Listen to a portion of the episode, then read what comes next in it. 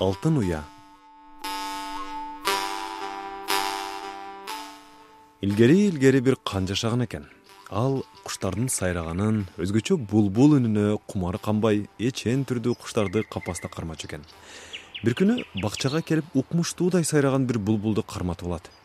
Аны капаска салдырып тагынын жанына койдуруп сайратып уккусу келет. Кандын сарайы анын ичиндеги буюмдардын баардыгы алтын менен күмүштөн жасалып эң кымбат баалуу асыл таштар менен кооздолгондуктан баягы булбулга алтындан капас жасаттырат ичине аппак мамык менен жибектен уя салдырат. Эң сонун кооз идиштерге булбул жей турган түркүн жемдерди койдурат. Булбул мындай жаңы шартка көнө албай көп убакытка чейин сайрабай калат. Далай күн өтүп бир күнү кан жалгыз отурганда булбул укмуштай куулжутуп сайрап кирет кан аябай сүйүнүп көңүл коюп угуп калат ал куштардын тилин түшүнгөн киши экен булбулдун эмне деп сайрап атканын билгиси келип тыңшаап отура берет. Угуп отурса ал минтет. Кайран алтын уямай кайрылып сени көрөмбү. Кайрылып көрбөй өзүңдү капаста жатып өлөмбү. Торкудон салган уямай толгонуп кайра көрөмбү. Толгонуп көрбөй өзүңдү тордо эле жатып өлөмбү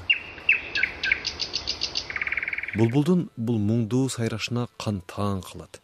Мен жасаткан алтын капастагы мамык менен жибектен салдырган алтын уя жакпаса өзүнүн уясы бир укмуш болсо керек.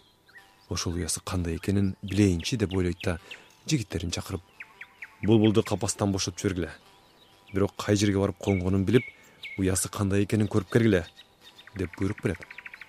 Капастан бошонгон булбул шыр учуп отуруп бир калың бадылга келип конот өзүнүн көнгөн жерине келгенине кубанып суу жээгине келип үстү башын таранып боюн керип аркы терки учуп анан бир бутакка конуп укмуштуудай куулжутуп сайрайт. Моокуму канган соң карагайдын бооруна чөп чардан салган уясына кирип ырахаттанып жата кетет. Кандын жигиттери булбулдун баардык кыймылдарын сайраганын уясына келип жатканын көрүшөт. Анын баарын төкпөй чачпай канга айтып беришет көрсө ар кимдин өз уясы өзүнө алтын уя болот тура. Эл ичиндеги ар кимдики өзүнө ай көрүнөт көзүнө деген лакап да ушундан улам айтылып калган дешет